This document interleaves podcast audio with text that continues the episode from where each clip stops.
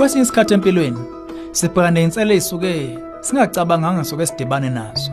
Ake ucabange nje ungamboni wako wakho ngenxa yokuboshwa. Qeda bese uyezwa ukuthi usuku lokuphuma kwakhe selisondele. Emva kweminyaka ubudlane bukade bungobungekho manje sekumele ulungiselele isigaba esisha.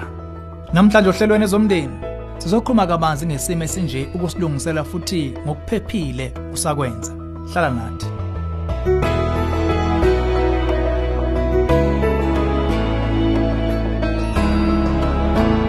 Ngiyathakasa ukubingelela. Ezomndeni uhlelo lethe izeluleko eziphathekayo ngabaka focus on the family.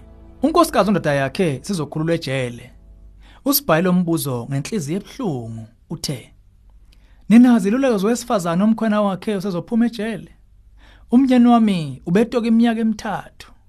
Usezobuya ngenyanga ezayo.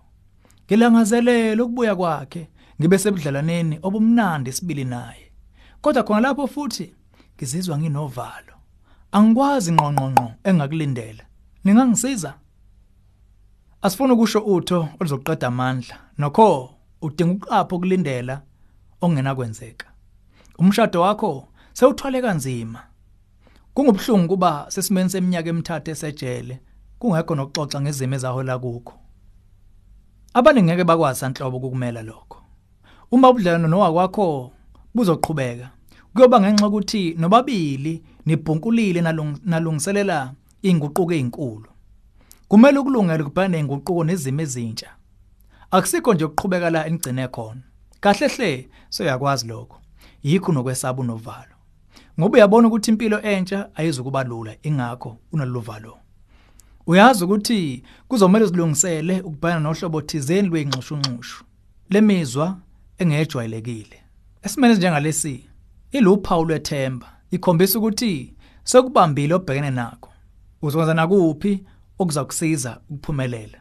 Okokuqala odinga ukwenza ukukhuluma ngalokho nomkhwana wakho kumbe ngokumbhalela kodwa sikhuthaza umlomo nomlomo ngesikhathi uyombona.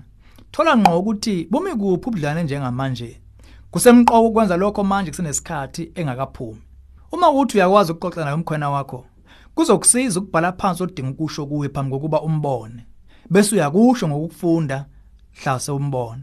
Usengasho amagama njengokuthi ngisakuthanda futhi ngikulungele ukwethemba. Kodwa njengamanje ngila nongabaza noluningi nemibuzo eminingi engaphendulekile.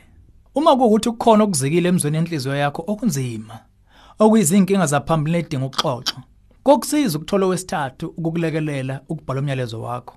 Ungaba umhlobo, ilunga lomndeni, umfundisi, kumbe umeluleki okufundele. Ngesikhathi ke usahamba lolu hambo, qikelela ngabikho lutho oluthatha kancane. Xoxa nojele ukuthola ukuthi unaliphi irecord umnyeni wakho ngenkathi esejele. Zama ukuthola uma kukhona sekuguqukile. Ngakuba useyindoda eshintshile. Kumbe amanzi azobuyela ake amakhono ekuphumeni kwakhe. Uhlobo lembuzo enjena isemqoka ngokuphepha kwakho kunye nezingane zakhe ekhaya.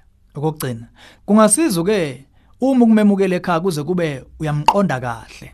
Kulesikhathi nisaqhelene kuzosiza ukuthola ululeko lwezemshado kungoto ngumKristu ongumeluleki.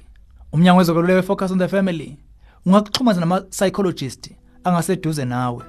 Sicela usishayele ku 031 716 3300 kumbe ungene ku safamily.co.za bese ucofe counseling link lolu hlelo ezomndeni ulethulelwe yifocus on the family sihlangabezwa hlelo luzayo sisihlabelisa phambili umndeni wakho